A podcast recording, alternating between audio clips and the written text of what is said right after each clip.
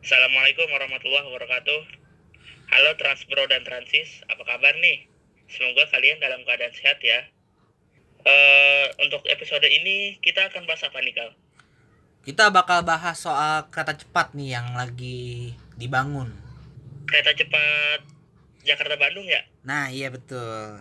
Jadi gini ya, kalau kata gue tuh Bandung Jakarta itu vital banget gitu. Iya. Sampai-sampai eh kalau liburan pun penuh macet segala tol Cipularang, tol pada Lenyi. Maksud gue tuh lebih ke Bandung Raya ya gitu. Iya. Nah, apalagi Argo Parahyangan rame mulu, full terus sampai yang kelas priority. Yang bagus banget tuh. Prima jasa gimana? Sama juga. Prima jasa nggak pernah habis. Strip Malik Syukri. Terus eh nah tiba-tiba pas saat 2015 tuh eh pemerintah kita menjalin kerjasama sama Cina ya membangun kereta cepat. Eh perusahaannya itu berdiri pada Oktober 2015 dengan nama PT KCIC Kereta Cepat Indonesia Cina yaitu perusahaan patungan antara BUMN melalui PT Pilar Sinergi BUMN Indonesia PSBI dengan konsorsium perusahaan kereta api Tiongkok melalui Beijing Yawan HSR. eh HSR Co. Limited dengan bisnis utama di sektor transportasi publik berskema bisnis to bisnis B2B. Eh dan dasar hukumnya itu ada di Perpres nomor 3 2016 tentang PSN, proyek strategis nasional proyek kereta cepat Jakarta Bandung. Gitu. Oh ya Kal, nih gue pengen nanya ya. Fakta-fakta kereta cepat Jakarta Bandung tuh apa aja Kal? Ya, pertama tuh jaraknya jauh ya.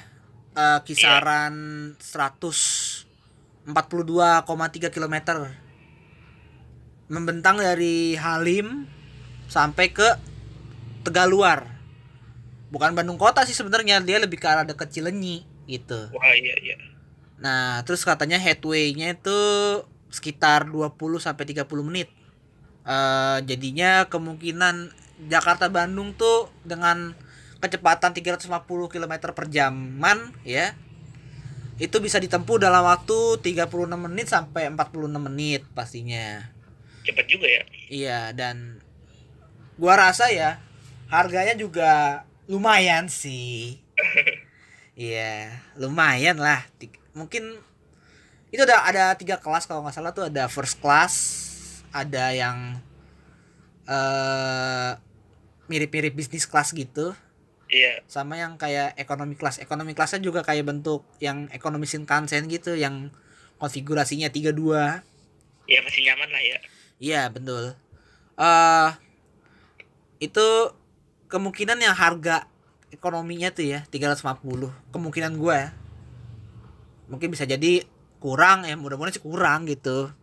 Ya turunan dikit lah. Ya biar bisa eh, bersaing sama Argo Parayangan. Terus di tiap-tiap stasiun itu ada namanya Transit Orient Development atau TOD Apa tuh Kal? Yang pastinya untuk memastikan integrasi dari berbagai pilihan moda moda moda transportasi yang terintegrasi.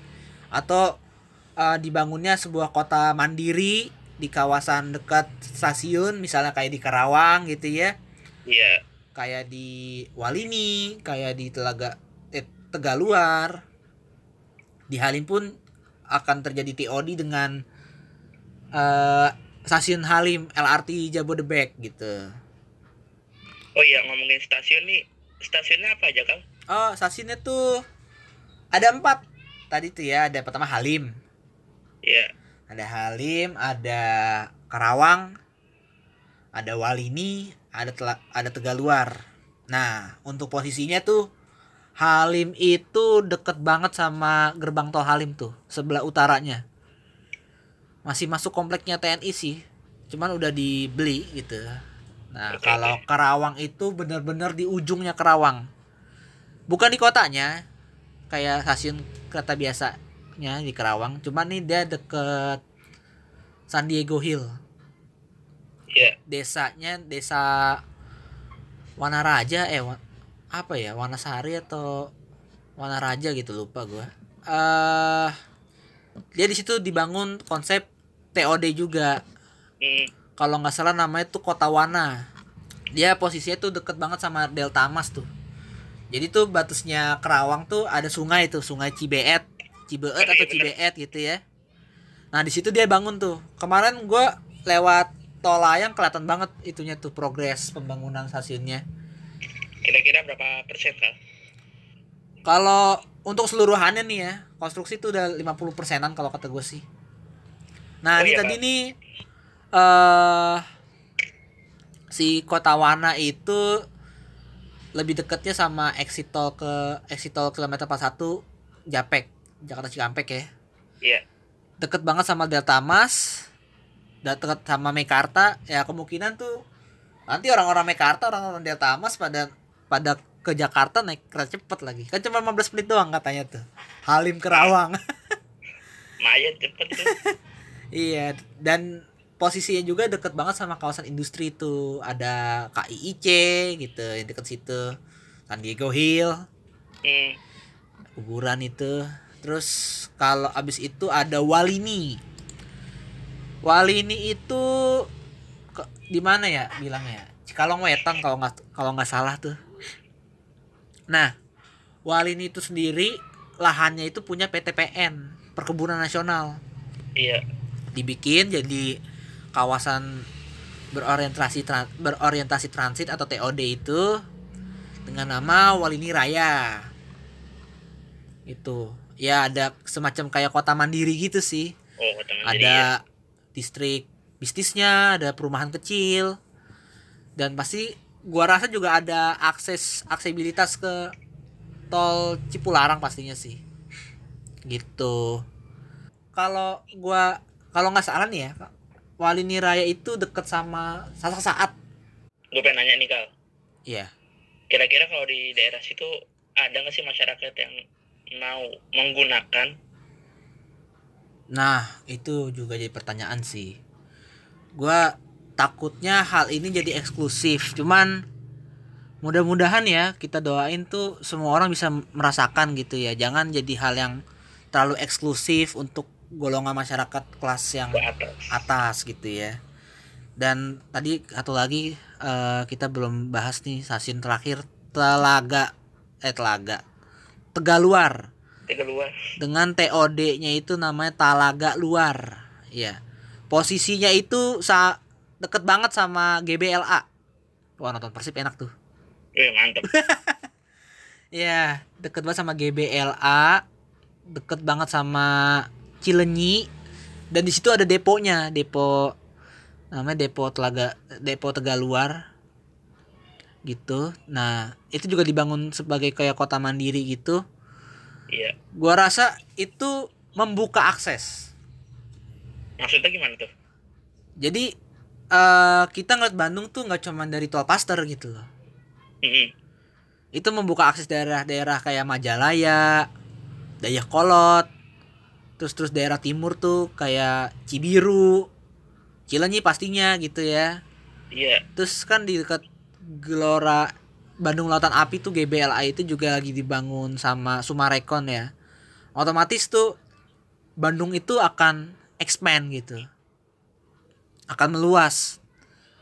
Dan ini yang gua sangat eh pengen gue bilang nih ya bahwa ini kan deket banget nih sama jalur kereta existing nih. Stasiun apa sih? Cimek Cimekar ya setahu gua tuh. Lupa gua. Yang deket Gelora Bandung Lautan Api tuh Cimekar. Nah ini tuh harus ada gitu loh. Harus ada konektivitas entah mungkin pertama itu bis dulu atau nanti ada kereta komuter gitu. Kayaknya sih bis dulu. gua rasa sih harus ada gitu. Dan ini sih harusnya kita bahas di indip ngomongin soal Bandung Raya sih ya nanti aja dulu deh kita bahas kereta cepatnya dulu ya Oke. ya terus pokoknya ada kota mandirinya gitulah di Tegaluar itu dengan konsep TOD kal. ya Konstruksinya kayak gimana sih? eh konstruksinya itu pertama ya eh dari keretanya dulu ya kita Iya. spesifikasi keretanya itu bentuknya nam- nama keretanya jenis keretanya itu CR 400 AF yang katanya tuh bisa dipakai di kota eh di iklim tropis gitu kayak Indonesia. Begitu pula di Afrika juga dipakai sih kayak di daerah Namibia kemungkin eh, Angola mungkin. Gue lupa tuh eh, kereta cepat yang buatan Cina di eh, Afrika tuh apa aja gitu. Iya. Terus untuk tadi panjang trasenya itu 142,3 km Jakarta Bandung. Eh, Halim Tegaluar ya. Ada depo di Tegaluar dan setiap stasiun tuh punya eh, integrasi moda transportasi massal di setiap wilayahnya. Dan itu sebenarnya gua meng mengkritisi gitu ya bahwa itu ada tugas besar pemerintah-pemerintah daerahnya masing-masing gitu agar terjadinya konektivitas dengan daerah tersebut gitu. Nah pembangunannya tuh eh, kejar target ya, kejar target katanya tuh bisa selesai 2021 Target ya. target. Ya gue juga harap akhir 2022 atau 2023 selesai lah. Capek gue liat eh, pembangunan di jalan tol Japek itu puyeng kadang-kadang. Ngapa tuh? Ya banyak tiang coy. Kiri, tengah, kanan, tiang. Iya. Nah, itu bentuknya tuh eh, elevated melayang dengan ada 13 tunnel dan juga posisi di atas permukaan tanah atau subgrade. Tunnel pertama tuh di Halim. Eh, lebih tepatnya Jatiwaringin sih. Nah, itu yang mengorbankan si LRT itu. LRT udah duluan harus dibongkar. Itu tuh sebuah kesalahan sih kalau kata gua. Maaf-maaf aja nih. Nah, 58% itu jalurnya elevated. Terus tunnelnya itu ada 13. Tunnelnya tuh termasuk ini juga nih yang di Tiber pada larang tuh. Iya. Itu tunnel 10 terus tunnel terakhir itu kalau nggak salah di Gunung Bohong sebelum Cimahi itu. Namanya Gunung Bohong lucu banget ya. Terus juga ada eh, fasilitas casting yard. Jadi kayak girder-girder itu dicetak langsung di sebuah batching plant. Batching plant tuh kayak pabrik pabrik produksinya itu ya. Iya. Ada di Cikarang tuh yang gede banget. Di Kerawang juga ada, di Purwakarta ada untuk bikin tunnel gitu. Di Jati Jatiwaringin ada gitu. Nah, tunnel-tunnelnya tuh yang terkenal tuh ada tunnel ke-6 di Cikalong Wetan. Tuh? Walini.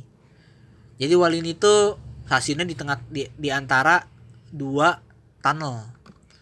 Tunnel 10 juga terkenal dan kadang suka dinyinyirin ya. Dikeselin sama para rail fans. Maaf-maaf aja nih. Karena tibernya jadi rusak gitu. Tiber- gitu. Tiber pada larang jadi rusak, dibelah sama dia. Terus konstruksinya itu eh 50% melayang. Tadi gue udah bilang ya, Iya. gitu. Terus abis itu eh posisinya juga sepanjang tol Japek sampai Delta Mas itu dia di sebelah tol, langsung belok menjauh dari tol di Karawang terus lurus saja sampai di daerah Ciganea atau daerah Sadang gitu ya lewatin Jatiluhur Sungai Citarum. Itu juga masih elevated terus belok masuk tunnel pertama. Kayak tunnel pertama di daerah Ciganea deh kurang tahu juga sih gua. Eh tunnel pertama. Tunnel kedua atau ketiga kurang tahu sih gua soalnya di Kerawang juga dia ngebelah bukit setahu gua tuh. Karena memang daerah Kerawang bagian selatan tuh eh, mulai berbukit ya. Terus Setiap tunnelnya itu hmm, panjangnya sama atau beda kal? beda-beda. Walini Tunnel tuh kalau nggak salah paling panjang deh. Ada berapa kilo gitu? Satu kiloan atau berapa Wah, gitu. panjang juga itu. jadi macem-macem gitu ya. Karena emang tipikalnya dia tuh membelah gunung Ya kan karena cepat. iya bablas bablas gitu. Dan radiusnya juga eh, jauh gitu ya. Jadi belok nggak bisa tiber. Harus agak jauh banget. Kalau dibilang kayak tiber pada larang ya bisa sebenarnya sih. Cuman ya jenisnya aja beda. Ah ngomongin jenis nih ya. Iya. Eh, eh, bantalannya itu buatannya dari Wika tuh Wijaya Karya yang bangun. Untuk relnya ukuran relnya R60 gede banget gak tuh Heeh, dan dia pakai listrik aliran atas pastinya. Nah itu gue juga mikir tuh kerja targetnya gimana nih? Ini kan baru bikin girdernya doang nih girder sama track line-nya doang nih. Belum masang relnya masang LAA nya ya bisa waktu setahun itu kan. Iya benar. dan gua nganggep bahwa kereta cepat ini punya proyek eh, konstruksi yang sangat overpower gitu. Karena dia bisa ngorbanin LRT LRT udah duluan dia bisa ngorbanin. Gitu. Gue juga suka liat, suka lihat di videonya kalau lihat di IG tuh Wika HSR 4 project tuh daerah dari Cimahi sampai Tegaluar itu. Posisi di sebelum Gede Bage itu dia juga pinggir tol kayak di Japek gitu ya di tol pada Lenyi itu dia di sisi utaranya lewatin Paster Buah Batu eh, Iya. Pasir Koja gitu kan interchange interchange itu dilewatin dan gua ngeliat tuh banyak banget eh, long span atau jembatan benang panjang itu gitu dari mulai di Japek di pada Lenyi dan masih banyak lagi pastinya lah gitu. kalau gue hitung gue nggak tahu udah berapa sih. Terus eh, pas di tadi tuh sebelum gede bage itu dia bikin kayak portal gitu. Portal tuh menyeberangi. Dia nyeberangin apa namanya eh, tol pada lenyi pakai girder portal portal gitu yang bentuknya kayak letter N gitu. Jadi tolnya dikolongin gitu. Di atasnya ada ada nyebrang jalur kereta gitu ke arah selatan. Belok eh, deket RS area berapa gitu ya. 100 berapa gitu. Pokoknya di Gede Bage gitu. Masuk langsung turun ke Tegaluar itu stasiun abis. Oh, gitu. Nah ke depannya ini mau dipanjangin ke mana gitu kan? Ke mana tuh kang? ada yang bilang sampai Surabaya ada yang bilang via eh, via selatan ada juga yang via lewat Cirebon. Gue nggak tahu juga sih maka, bakal lewat mana. Lihat aja nanti. kalaupun lewat selatan gue udah ngebayang-bayang nih kayak eh ngebayang tuh kayak lewat jalan Dendels pantai selatan itu. Yang jalannya kecil tapi jalan nasional kalau nggak salah tuh. Jalan pos kayaknya. Nah itu kan lurus-lurus doang tuh itu bisa banget tuh dibangun kereta cepat. Gitu. Terus juga di Jakartanya katanya juga mau ke abisnya di Manggarai. Gue juga kurang tahu sih lewat mana. Kemungkinan di stasiun Cawang tuh ada lahan kosong. Dia dibikin tiber di situ tuh di gedung apa ya? Gue lupa nama gedungnya sebelahnya itu apa? Eh, stasiun stasiun Cawang itu bikin tiber dan menurut gua alangkah lebih baik kan Manggarai juga lagi berbenah kan nih ya? Iya. juga pasti eh, bentar lagi ada gusur-gusuran besar-besaran nih. Mhm. gua harap juga ya kalaupun sampai Manggarai nantinya karena kita ngejar Central Stationnya itu eh gue sih harap eh, jangan elevated gitu di underground. Karena pertama mengganggu juga gitu. Ruwet eh, strukturnya ntar gimana Manggarai pun juga Iya, udah iya. gede. Stasiunnya kereta cepatnya ntar juga pasti gede gitu. Mungkin Benar, bisa di sebelahan Manggarai tapi eh, underground. Begitu. Ya mudah-mudahan aja lah kita eh, doain ini cepat selesai. Cepat juga mm, berekspansi ke ke lainnya gitu ke kota-kota lainnya. Misalnya Iya. jaringannya diperpanjang ya sampai Surabaya tadi itu. Boleh boleh. Lewat Jogja lewat Solo Madiun. Terus gitu. Nggak tahu sih ntar gimana. Yang penting ini cepat dulu deh Jakarta Bandung. Karena memang eh, poros itu vital banget. Dibutuhkan. Betul. Kalau boleh tahu kenapa harus sama Cina sih? Ya. Ini ini agak sulit sih ya. Gua nggak tahu gimana. Mungkin mudah-mudahan ini suatu kerjasama yang menghasilkan keuntungan di kedua belah pihak pastinya. Gua doain begitu. Semoga. jangan ada ya gitu deh. Ini sih sangat politis ya. Gua nggak tahu juga eh, kenapa harus sama Cina? Kenapa nggak Jepang aja? Sebenarnya eh gua ngelihat di Cina nya pun kereta cepatnya itu gua lihat di YouTube gitu ya. Kereta cepatnya pun juga nggak kaleng-kaleng sih. Istilahnya Iya. tuh bisa dibilang 11-12 sama Shinkansen terus eh perbedaan eh kebudayaan eh persamaan kebudayaan karena kita tuh sangat multikultural dan Afrika kayak di Afrika juga sama begitu. Makanya eh Cina bisa ngeinvest gitu. Merasakan kayak ya kita punya sama nih s- punya sudut pandangnya sama nih gitu. Dan ya mudah-mudahan kalau pun ke depannya nanti gimana nggak tahu lah kerjasama yang ntar bisa sama siapa. Apa nanti tiba-tiba Jepang nyalip ya kita mah sebagai rakyat mah dukung-dukung terus gitulah Ya, yang penting mah aja. pemerintah mah bijak gitu. Dan ini tuh proyeknya juga nggak main-main gitu. Dan besar satu lagi yang gua pengen gue kritisi jangan sampai ini strukturnya tofu. Hmm gua ngerti iya. Tofu itu dalam artian ya yang nggak kokoh gitu loh. Jangan sampai. Ini maaf maaf aja ya disclaimer nih tidak ada hal politis gimana pun. Tapi yang jelas nih kita jelasin secara struktural secara gamblang-gamblang general aja lah gitu.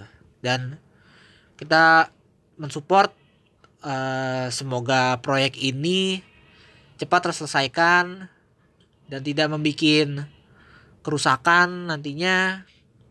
Iya. Terus juga proses ganti rugi juga tepat terlaksanakan.